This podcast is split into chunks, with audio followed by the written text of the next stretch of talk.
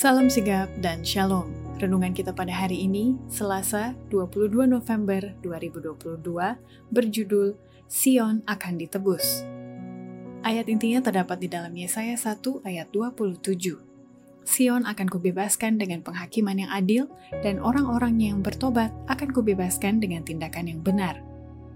Pena Inspirasi menuliskan yang dimaksud dengan judul renungan kita pagi ini, Sion akan ditebus, adalah bukti dia peduli kepadamu, dan makanya kita harus senantiasa datang menghampiri tata kasih karunia Allah dan mengalami kasihnya yang tiada bandingnya itu adalah sebagai berikut.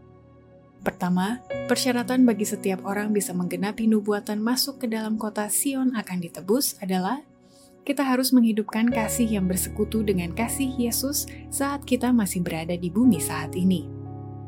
Kasih Yesus adalah suatu prinsip aktif, mempersatukan hati dengan hati dalam ikatan persekutuan Kristen. Setiap orang yang akan masuk surga, kasihnya sudah disempurnakan saat di bumi, karena di surga, penebus dan yang ditebus akan menjadi objek perhatian kita. Kedua, Persyaratan bagi setiap orang bisa menggenapi nubuatan masuk ke dalam kota Sion akan ditebus adalah kita harus menerima pengorbanan Kristus sebagai anak domba Allah untuk mendapatkan warisan kekal dalam kerajaan Allah. Ketika umat tebusan ditebus dari bumi, kota Allah akan terbuka bagimu. Kemudian, kecapi itu akan ditaruh di tanganmu, dan suaramu akan diangkat dalam lagu-lagu pujian kepada Allah dan anak domba yang oleh pengorbanannya engkau menjadi bagian dari kodrat ilahi dan diberikan warisan kekal dalam kerajaan Allah. Ketiga, persyaratan bagi setiap orang bisa menggenapi nubuatan masuk ke dalam kota Sion akan ditebus adalah ikut terlibat dalam pelayanan sebagai tujuan hidup sebenarnya, yaitu melayani Allah dan sesama manusia. Para pengikut Kristus sudah ditebus untuk pelayanan, Tuhan kita mengajarkan bahwa tujuan hidup yang sebenarnya ialah pelayanan. Kristus sendiri adalah seorang pekerja. Kepada semua pengikutnya diberikan aturan pelayanan, yaitu melayani Allah dan sesama manusia.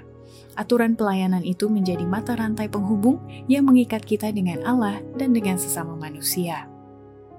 Keempat, persyaratan bagi setiap orang bisa menggenapi nubuatan masuk ke dalam kota Sion akan ditebus adalah kita harus tetap setia memelihara hidup kesalehan sampai hari kesudahan itu tiba.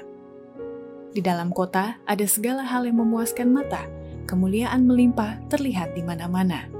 Kemudian Yesus melihat kepada orang-orang suci yang ditebusnya. Raut wajah mereka memancarkan kemuliaan, dan saat ia menunjukkan pandangan ke arah mereka, ia berkata dengan suara merdu, "Aku melihat hasil penderitaan jiwaku, dan aku puas. Kemuliaan melimpah ini milikmu untuk dinikmati selamanya. Kesedihanmu berakhir, tidak akan ada lagi kematian, juga tidak ada kesedihan atau tangisan. Di sana juga tidak akan ada lagi rasa sakit." Demikianlah renungan kita pada hari ini.